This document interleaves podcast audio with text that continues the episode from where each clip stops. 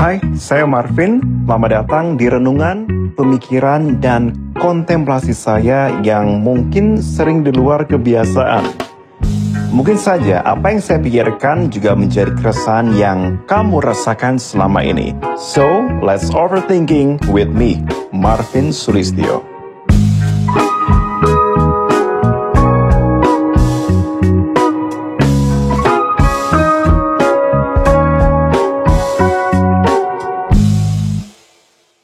Dan welcome back di Overthinking with Marvin. Teman-teman semua, gimana kabarnya? Sehat ya? Sehat semoga fisik dan juga mentalnya. Oke, kali ini gue pengen ajak kalian untuk berpikir mengenai satu pertanyaan dari gue. Yakni, kalian udah bersyukur belum hari ini? Simpel sih sebenarnya kok gue bilang bersyukur ya. Kenapa? Karena gini, kita itu memerlukan yang namanya bersyukur.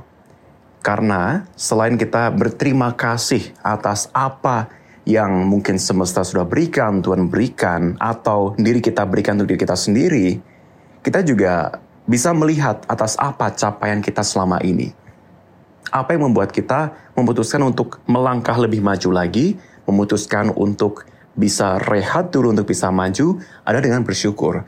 Tapi yang patut untuk kita pahami adalah ketika kita bilang bersyukur deh gitu setiap orang itu memiliki caranya untuk bersyukur masing-masing. Nggak usah selalu diingatkan, bahkan itu menjadi kartu gitu ya ketika kamu mendengarkan temanmu cerita kemudian kamu langsung bilang, kamu sih bersyukur gitu. Kadang nggak semua orang bisa digituin sih, ya nggak? Karena tentunya kita memiliki cara kita untuk bersyukur terhadap diri kita dan terhadap semesta kita dengan cara kita yang masing-masing gitu. Nah, di episode kali ini gue pengen ajak kalian semua untuk mendengarkan satu cerita dari seorang dokter yang dipanggil dengan sebutan dokter spesialis gelandangan. Bingung gak lo? Gue aja bingung gitu.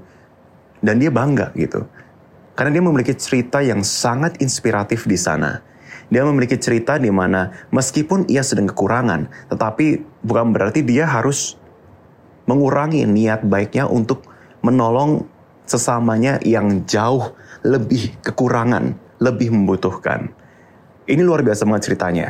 Dan dalam episode kali ini gue juga berkolaborasi dengan MG Radio di mana kali ini gue sudah mewawancarai Dr. Michael yang tentunya ceritanya sudah gue lakukan beberapa waktu yang lalu dalam sesi di Inspiring Round MG Radio. Nah, kayak gimana ceritanya? Oke, okay, let's tune in.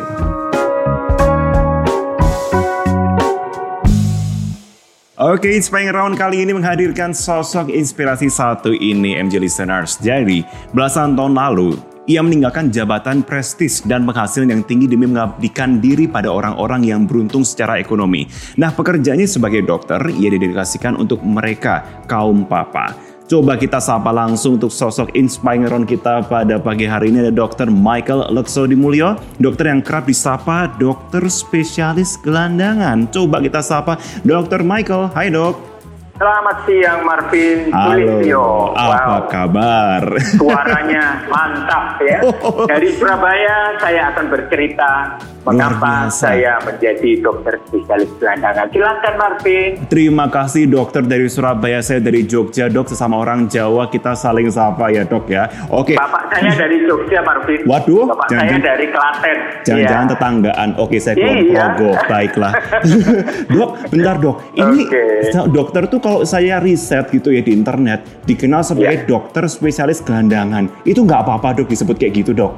Wah, aku malah bangga Boleh? karena bagaimanapun juga uh, kami itu biasanya hmm. kerjanya di tempat yang wangi, yang bersih. Hmm. Kalau bisa uh, cari perawat yang cantik-cantik betul. Hmm. Nah, supaya nggak sumpah karena kita urusannya pasien dengan penyakit itu membuat kita stres, gitu. Nah, hmm. oleh sebab itu kali ini saya bekerja bukan untuk eh, melayani orang-orang yang udah bersih, udah hmm. bisa makan, bisa semuanya nggak dipikirin lah pokoknya. Waduh. Tapi uh, dia hanya memikirkan bagaimana aku bisa sembuh dari sakit.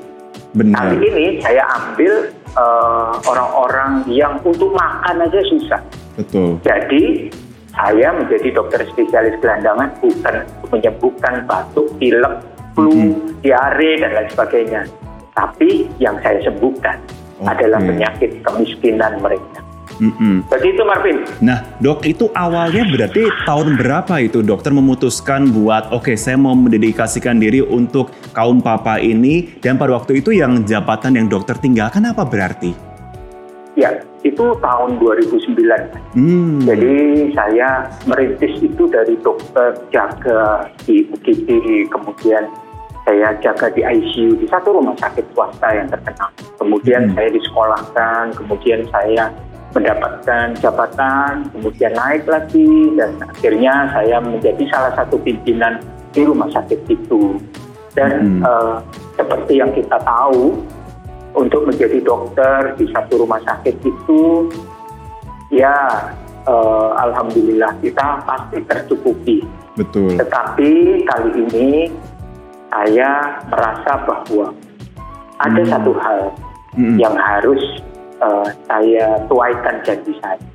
Dan itu adalah di tahun 2009 di saat saya ada di atas hmm. di uh, puncak di jabatan saya. Iya, uh, uh. begitu Pak. Oke. Okay. Nah, apa sih membuat dokter memutuskan untuk melepas posisi dokter di mereka yang kekurangan? Waktu itu nggak saya pernah baca dokter menyebutnya peristiwa yang melepas tanda kutip katarak hati dan membuka mata dokter. Itu gimana itu dok ceritanya? Oke, jadi saya itu sebenarnya uh, waktu saya masuk di kedokteran saya itu nggak punya uang apa-apa. Hmm. Karena orang tua saya itu uh, kami itu di Surabaya itu hanya ada dua pasar hmm. waktu itu yaitu pasar Turi dan pasar Blauran. Betul. Di salah satu pedagang kecil di lapak yang kecil hanya ukurannya sekitar tiga kali tiga mungkin kayak kamar mandi gitu. Nah di situlah ayah saya itu berjualan sepatu dan uh, kondisi saat itu uh, pasar itu terbakar dan saya harus melanjutkan uh, studi saya setelah SMA. Mana hmm. mungkin Sedangkan untuk melanjutkan kebutuhan sehari-hari aja kita tertatih-tatih. Mm-hmm. Kemudian uh, ayah saya menanyakan apakah saya mau melanjutkan ke mana dan saya mengatakan ke ayah saya, saya mau masuk di kedokteran. Mm-hmm. Dia kaget sekali dia melihat mata saya dan uh, dia bilang nggak salah katanya. Enggak. Kalau gitu kasih aja pilihan yang kedua. Mungkin pikiran ayah saya siapa tahu ada yang lebih murah gitu ya hmm, sekolahnya. Terus dia tanya, nggak ada uh, pilihan lain kedua atau yang ketiga? Gitu. Uh, saya bilang bapak saya kalau pilihan saya yang kedua dan pilihan saya yang ketiga itu saya ingin menjadi dokter. Hmm. Dan waktu itu saya melihat bapak saya itu menangis dan dia mengatakan, nggak ada orang tua di dunia yang mendengarkan anaknya mau jadi dokter itu senang sekali. Nah, apalagi kamu jadi dokter maka aku akan bangga. Nah, kata-kata yang membuat saya menjadi dokter itu adalah kata-kata pengharapan dia. Dia hmm. mengatakan demikian. Aku sebagai orang tuamu, aku tidak bisa menyekolahkan kamu. Tapi coba kamu minta ke bapakmu yang asli. Saya hmm. kaget loh berarti. Waktu itu saya pikir umuran 18 tahun saya ini baru tahu kalau saya ini anak angkat. Hmm. Lalu saya tanya kepada ayah saya, ini ayah angkat saya itu gimana? Lalu dia mengatakan bahwa aku dan ibumu itu itu hanya dititipi sama Allah, sama Allah kita. Jadi hmm. kalau kamu mau kepingin jadi dokter dan saya sebagai bapakmu yang di dunia nggak bisa, maka kamu minta lah ke bapak. Dan setelah itu kalau kamu betul-betul jadi dokter, kamu memang bukan disekolahkan oleh aku, tapi kamu disekolahkan oleh Tuhan yang ada di atas. Itu yang dikatakan dan saya berdoa dan setelah itu semuanya terjadi. Bahkan hmm. bukan hanya S1 kedokteran, saya bisa melanjutkan S2 saya dua kali dan melanjutkan studi yang lebih di atas Demikian Marvin. Wow, dok ini ada dua pelajaran yang bisa kita tangkap dari dokter loh. Yang pertama pengabdian dokter kepada kaum gelandangan dan kedua perjalanan hidup dokter ya. Tapi saya sangat tertarik ini mendengar perjalanan hidup dokter pada waktu awal begitu ya. Karena saya merasakan sendiri cerita dokter ini mirip seperti cerita orang tua saya. Orang tua saya juga dua-duanya dokter dok gitu. Oh, Dan iya, memang iya, iya. perjalanannya sama oh. begitu seperti yang dokter tadi bilang. Jadi seperti rasanya itu saya deja vu begitu pada waktu mama saya cerita waktu zaman oh. emak dan engkong saya dulu bilang gitu ke mama saya dulu. Oh, nah, iya, betul iya. dok. Nah tapi dok, pada waktu itu gimana ceritanya? Perjuangan dokter dari awalnya kok bisa dikatakan kuliah itu dari nol sampai kemudian berhasil buat uh, eh, S2 bisa ngambil dua kali spesialis ini. Kemudian gimana? Apa yang dokter lakukan di sana? Perjuangan seperti apa sih? Ya, uh, tidak gampang karena pada waktu itu saya mau ke Manado aja saya nggak punya uang. Nah. Saya hanya duduk di satu pelabuhan dan saya duduk di satu koran. Mm-hmm. Waktu saya ambil koran itu saya baca, di situ ada tertulis uh, penerimaan kedokteran di Manado. Mm-hmm. Kemudian saya tanya dengan kuli bangun, uh, kuli angkat uh, kapal dan saya menanyakan uh, itu kapal yang kamu angkat barangnya itu mau ke mana? Ini tujuan terakhirnya ke Manado. Mm-hmm. Saya berpikir bahwa ini mungkin jalan Tuhan untuk hidup saya. Dan saya tanyakan, Mas, bagaimana caranya supaya saya bisa sampai Manado nggak bayar? Maka kuli itu mengatakan, masuk aja di kamar mesin, sembunyi di situ, nanti waktunya makan, hmm. uh, sampean itu keluar dan bawa kaki yang disediakan di dekatnya uh, tempat makan, maka kamu dikasih makan sampai ketemu di Manado. Saya nggak tahu Manado itu di benua mana karena saya nggak pernah keluar dari Surabaya, hmm. dan ternyata kurang lebih sekitar 3-14 hari saya baru sampai di sana karena kapal saya itu kapal darat. Dan sampai di sana saya juga nggak tahu saya harus uh, menginap di mana dan lain sebagainya. Akhirnya saya mencari satu rumah yang besar dan di sana jujur aja uh, mm-hmm. orangnya marah sekali waktu saya ketok orang tua dan saya menanyakan apakah saya boleh tinggal di sini karena saya nggak punya tempat tinggal. Dan pada waktu itu saya berpikir begini, uh, saudara saya yang muslim aja kalau nggak nggak ada uh, tempat dia bisa hmm. cari musola dan dia bisa tidur di situ masa saya yang katolik saya nggak punya dan saya berpikir aku tak tidur di gereja aja di di pelatarannya gereja biar kalau kalau hmm. dimarahin ya memang saya dulu kan putra altar juga jadi saya yang yang bantu dan akhirnya waktu saya makan saya berdoa dan Tuhan mengatakan kembali ke tempat itu katakan hmm. kamu adalah orang dari Surabaya dan mau menjadi dokter di tanah itu.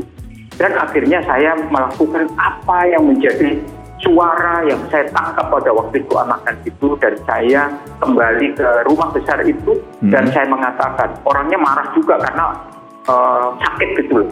Hmm. Sakitnya itu sakit. Dia mengatakan gini, dokter, uh, eh nyong, kamu pakai bahasa Manado ya, kamu itu sudah tahu kalau ini bukan tempat kos ngapain kok ketok dua kali. Lutut hmm. saya itu sakit dan dia mati-mati pakai tiga bahasa, bahasa Manado, bahasa hmm. Indonesia dan bahasa Holland Spreken. Oh iya. Nah waktu itu saya ikut suara Tuhan dan saya mengatakan, tunggu Oma jangan cacing itu pintu. Saya mau jadi dokter di tanah ini. Asal saya dari Surabaya. Oma, saya akan membersihkan rumah ini saya akan nyapu, ngepel mm-hmm. jam 3 pagi.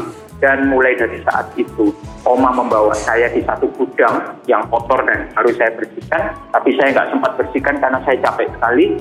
Dan besok paginya, mulai saat itu sampai saya menjadi dokter muda, saya menjadi asisten rumah tangga di tempat itu. Wah. Saya harus mencuci, menyapu, demi saya mempunyai tempat kos nggak bayar, Mas Marvin. seperti itu. Silakan wow. Perjuangan banget itu loh dok. Aduh saya nggak kebayang itu zaman dulu. Dokter juga bisa meyakinkan kembali sang oma di sana ya.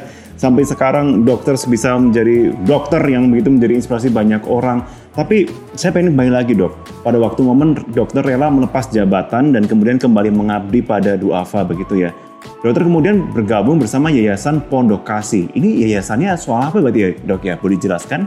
Ya, ya. Yayasan ini uh, saya temui pada waktu uh, saya menemukan seorang ibu namanya Mama Hana. Nah. Jadi ibu ini mengatakan, dokter, setelah dokter makan siang saya akan ajak ke dunia yang namanya under the world. Wih, under the world itu apa gitu ya? Saya pikir eh, ternyata yang dimaksud itu adalah dunia kemiskinan di bawah dunia ah. kenyamanan. Jadi saya dibawa ke bawah jembatan tol dan kemudian saya menemui ibu ini, ibu ini hmm. lari-lari-lari, saya kaget itu karena dia naik mobil dan dia minta berhenti, dia lari-lari. Kemudian setelah itu dia peluk ada ternyata ada pengemis tua tuh lagi mau nyebrang Marvin. Jadi Uh, uh, uh. waktu mau nyebrang itu dia angkat eh, eh, ba- apa badannya kemudian dia ciumin eh, pengemis tua ini kemudian dia mengatakan kepada saya itu pengemisnya baunya setengah mati dan penuh dengan apa ya Luka Kalau gitu bahasa ya? Indonesianya apa kalau di bahasa Jawanya iler gitu ya Oh. bahasa Jawa apa ya Uh, uh, iler, penuh iler tuh dengan itu eh, sih. lelehan ludah ya Betul, Kayak betul, gitu ya. kotoran begitu Hmm, ya.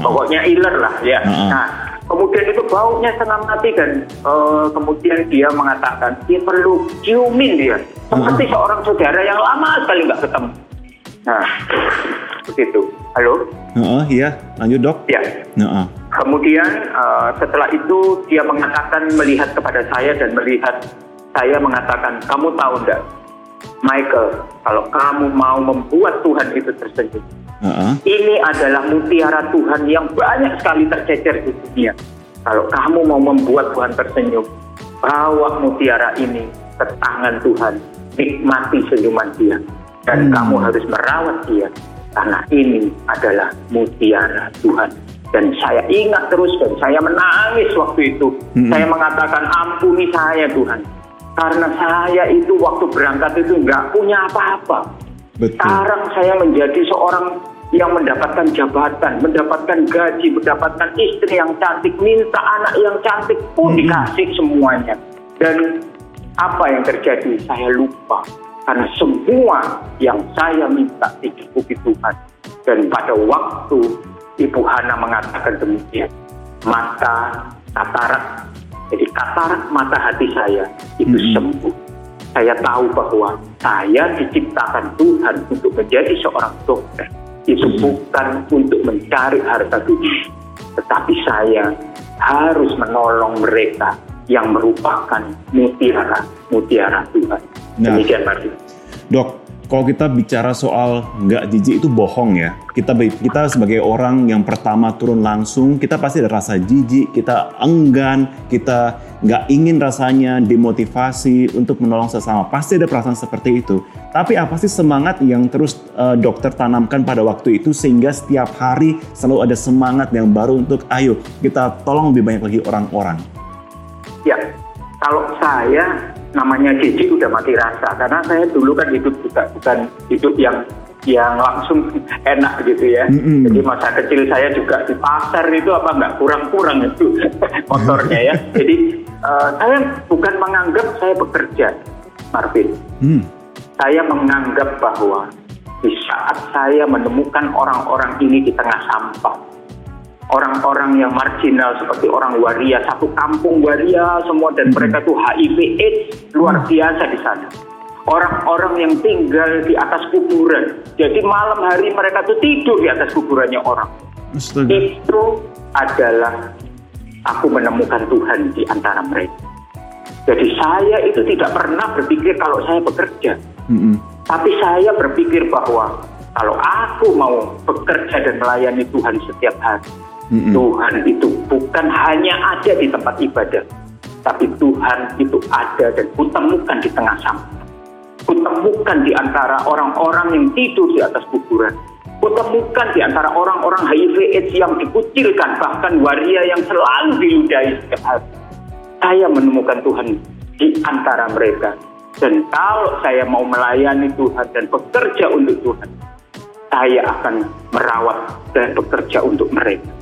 Itu Marvin yang membuat saya tidak pernah Wow. ada kata-kata jijik, bau dan lain sebagainya. Karena kalau saya ingin mencium baunya Tuhan ya seperti itu. Pasti, saya mau pasti. cari mukanya Tuhan ya seperti itu. Saya Mm-mm. harus dapatkan itu di tengah-tengah kaum miskin yang akan saya layani. Begitu. Marvin. Dok, saya sampai lupa kok kita ada iklan. dok, kita akan lanjutkan ngobrolnya usai jeda ya dok ya. Tahan dulu ya dok ya. Masih Oke. banyak yang ingin saya tanyakan sama dokter. Stay Baik tune. Marvin, Iya. terima kasih. MG Radio Network.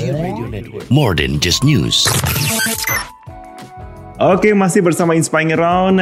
Oke, MJ Listeners, kita masih bersama dengan narasumber kita yang menginspirasi hari ini Dr. Michael Laksodi Mulyo. Dokter masih bergabung ya dok ya? Ya, masih bergabung. Mantap. Silakan, Mas Bin. Oke dok, tadi segmen sebelumnya kita sudah bercerita mengenai pelayanan dokter ya.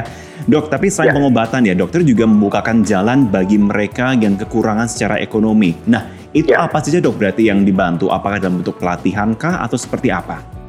Ya, di Yayasan Pondok Kasih Mhm. itu wadah saya untuk bagaimana kami itu uh, bisa menolong uh, keluarga miskin ini menjadi mandiri.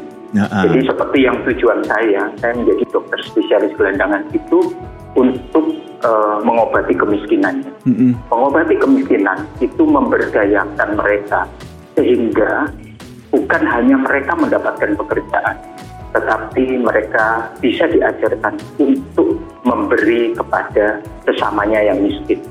Jadi itu adalah goal yang terakhir. Hmm. Kami memberikan pendidikan untuk anak-anak uh, dengan mobil pintar, kemudian Hmm. dengan beberapa uh, beasiswa turun sekolah, misalnya. dan itu kita jalankan. Bagaimana dengan uh, istri dan uh, ibu dan mamanya ya, eh, Ya, ibu ah, dan ah. bapaknya. Nah di situ kami akan memberikan pelatihan kesempatan kerja, serta itu kami follow up, follow up bagaimana keluarga ini tidak bisa mandiri. Nah kalau mereka sudah bisa mandiri, itu bukan goal kami yang terakhir. Goal kami yang terakhir adalah replikasi.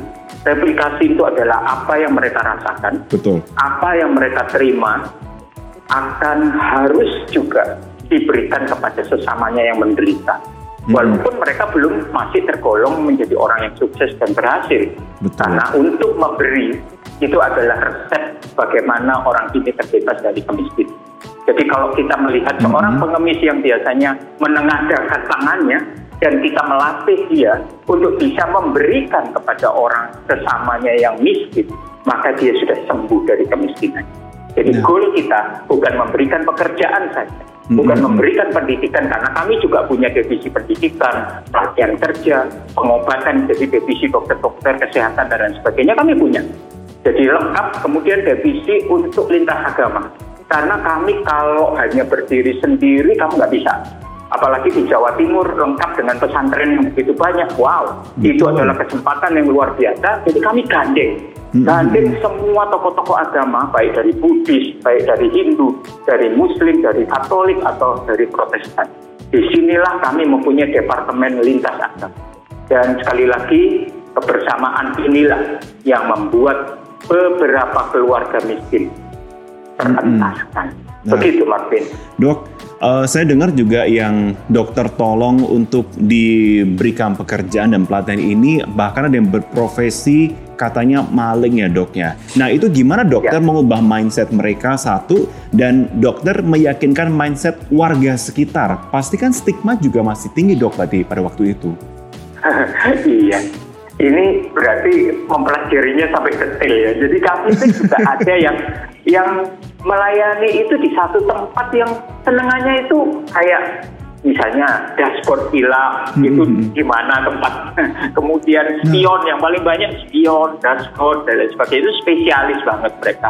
Kemudian karena mereka itu sering ketangkep polisi kemudian Hmm, hmm. keluarga dan anaknya itu nggak terurus kalau mereka ketangkep polisi. Dan siapa yang mengurus itu keluarga itu maka kami turun di sana kami memberikan kesehatan di- kepada istrinya bahwa satu-satunya mata pencarian itu bukan seperti itu tetapi Hmm. saya eh, gerakan ini saya combine dengan pesantren yang ada di sana jadi eh, ada sentuhan agama, Hmm. ada sentuhan pelatihan, ada sentuhan bagaimana sih bisa tidak harus dengan profesi eh, mencuri, tetapi bagaimana kita bisa berkarya agar karya kita ini bisa menghidupi keluarga kita.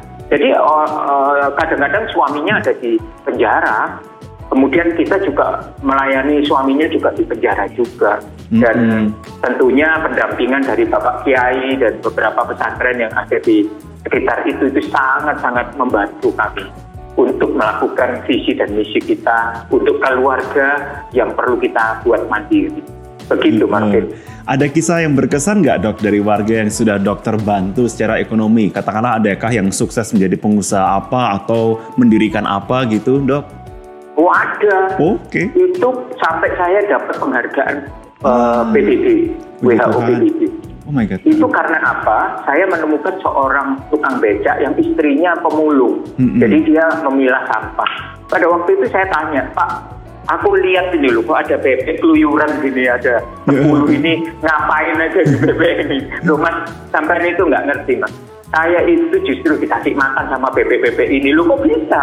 Iya mas, aku itu punya anak, itu 11 mas, mati satu, meninggal satu.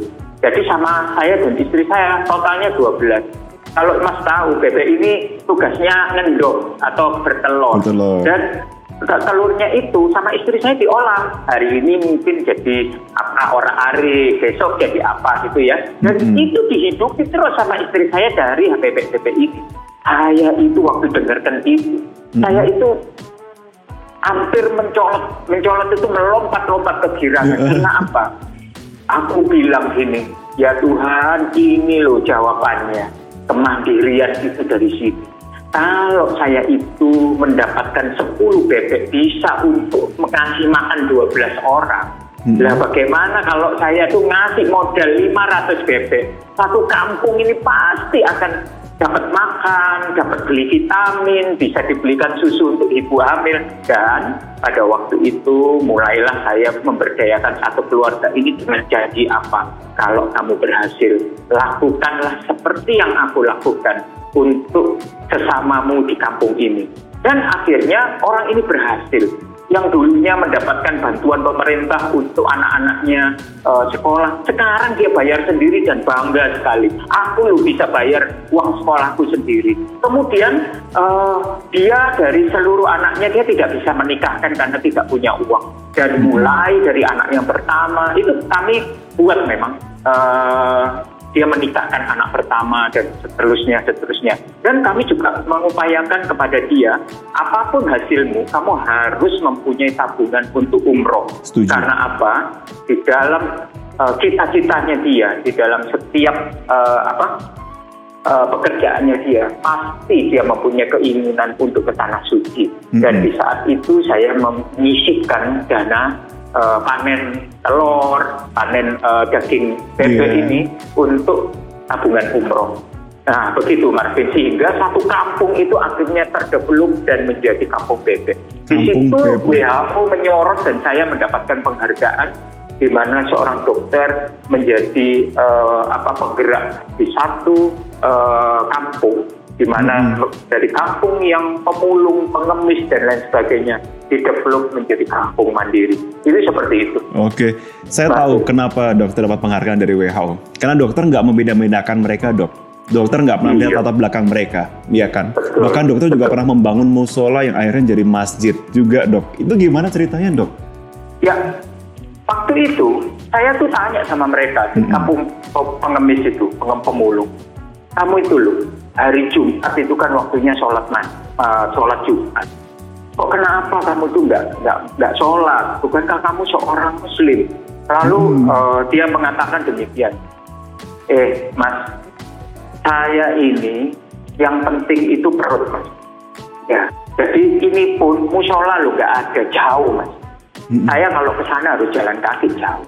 Nah, pada waktu itu saya mengatakan, kalau kamu pemulung, besok saya minta ada triplek, ada kayu, ada apa-apa begitu ya. Kemudian Mhm. saya suruh taruh di sini, kita kumpul di sini, yuk kita kerjasama, gotong royong buat musola eh, yang ada. Dan betul, besok itu mereka membawa bahan-bahannya dan saya suruh tanda tangan. Suruh tak kasih suruh naka, namanya Muhammad Soleh, ada Iya. yang Udin, ada yang apa. Itu saya suruh tanda tangan dan saya tulis namanya. Nah, pada waktu kita eh, gotong royong itu semua tim saya dokter, perawat, eh, bidan itu ikut semua. Saya suruh Mhm. ikut berhenti berhenti saya nggak mau pelayanan pengobatan, saya mau untuk eh, membuat eh, musola ini di Mhm. tengah-tengah kampung ini. Dan akhirnya jadi. Jadinya gimana? Ada yang nyumbang eh, pintu itu cuma satu dipakai Mhm. untuk dinding. Kemudian tripleknya tuh beda-beda warna, belum lagi sengnya juga bolong-bolong, tapi semua ada tanda tangannya. Pada waktu saya berkunjung eh, dua bulan setelah itu, saya kaget sekali. Musola saya itu tidak cukup. Oh. Karena apa? Saya lihat orangnya itu sampai di luar musola Iya. untuk untuk sembahyang Jumat. Nah, pada waktu itu saya bertanya kepada orang yang waktu dulu ngomong gini, buat apa saya harus sembahyang, sedangkan perut saya aja harus diisi dan keluarga saya harus bisa makan. Waktu itu saya nemu orang itu. Dia bilang, loh Pak, katanya nggak usah sembahyang. Nah kok sekarang kok sampai kok rajin gitu ya, kok kamu rajin. Terus dia bilang, itu loh, coba lihat ke atas Pak Dokter. Saya melihat Muhammad Soleh, itu siapa? Itu saya. Walaupun saya miskin, saya bisa menyumbang musola rumahnya Allah ini Pak Dokter. Saya yang ikut nyumbang walaupun sengnya bolong-bolong. Dia bilang begitu. Tetapi saya merasa bahwa ini adalah program yang berhasil karena mereka merasa memiliki tempat ibadah ini. Saya sebenarnya bisa mencari sponsor yang perusahaan yang besar dan mendapatkan musola yang cantik. Betul. Tetapi mereka merasa tidak memiliki dan mereka tidak layak untuk masuk di situ. Tetapi kalau ini ada tanda Hmm. tangannya dan nama dia, maka itu adalah rumahnya untuk bertemu dengan Allah. Dan Setuju. itu yang membuat saya dapat poin yang paling besar waktu WHO itu, Marvin. Mm-mm. Seperti itu. Setuju sekali. Dok, sebenarnya ada banyak sih yang ingin saya tanyakan lebih banyak lagi, tapi memang kok bisa dikatakan sepertinya kalau sehari pun nggak cukup untuk ngobrol perjalanan dokter bertahun-tahun untuk memberikan diri kepada masyarakat ya. Tapi boleh dok terakhir, apa sih pesan dokter untuk MG listener semua di sini agar punya semangat yang sama? Seperti dokter juga, untuk bisa berbagi, tidak membeda-bedakan orang, dan tentunya tidak melihat latar belakang mereka. Monggo dok. Oke, saya itu waktu saya meninggalkan segala sesuatu dan saya mulai masuk di dalam uh, dunia yang melayani kaum miskin sehingga saya menjadi dokter spesialis Mhm. gelandangan itu mempunyai satu spirit yaitu bagaimana orang itu mengenal kasih. Kasih itu nyata. Betul. Kasih itu ada sukacita di dalamnya. Kalau tidak ada sukacita itu bukan kasih. Dan yang ketiga, kasih itu mampu menembus perbedaan. Jadi kalau kita mau mengasihi orang lain, kita mau mencintai orang lain yang ada di sekitar kita, ada di dalam keluarga dekat kita dulu. Kemudian baru kita lihat orang yang di sekitar kita, baru orang yang jauh dari kita. Maka sekali lagi inilah kasih yang harus disebarkan virus cinta ini harus disebarkan ke seluruh Indonesia apa pun agamamu jadi sekali lagi kita bisa menjadi Indonesia yang bersatu Indonesia yang sejahtera Indonesia yang bahagia kalau kita bisa menolong orang lain karena pada dasarnya Mm-mm. kita harus tahu bahwa kita lahir untuk bisa menghidupi orang lain. Itu kata-kata dari Dr. Samratulangi. Ito, Timo, Tumo, To. Itu pada waktu saya belajar di Manado itu ya. Mm-mm. Uh, artinya manusia hidup untuk menghidupkan orang lain. Dan itu saya kenang terus. Dan saya bersyukur, kenapa kok saya itu sekolah kok jauh-jauh sampai di Manado. Hanya karena kata itu yang saya dapat. Dan itu merubah hidup saya. Membuat saya menjadi punya ciri khas sendiri. Menjadi dokter spesialis gelandangan. Saya rasa semua pendengar setuju dengan kata-kata saya. Yes. Yuk kita bangun Indonesia ini, ayo kita saling membantu, kita bersama-sama mempunyai negara yang rukun, bahagia, dan selalu sukacita. Begitu Marvin. Dokter, terima kasih sudah menjadi berkat dan kasih untuk sesama dan berbagi untuk kita semua dalam Inspiring Room kali ini. Terima kasih Dokter Michael Laksodi Mulya sudah bergabung. Dok, sehat selalu. Saya tunggu kalau main Terima ke kasih. Metro TV ya.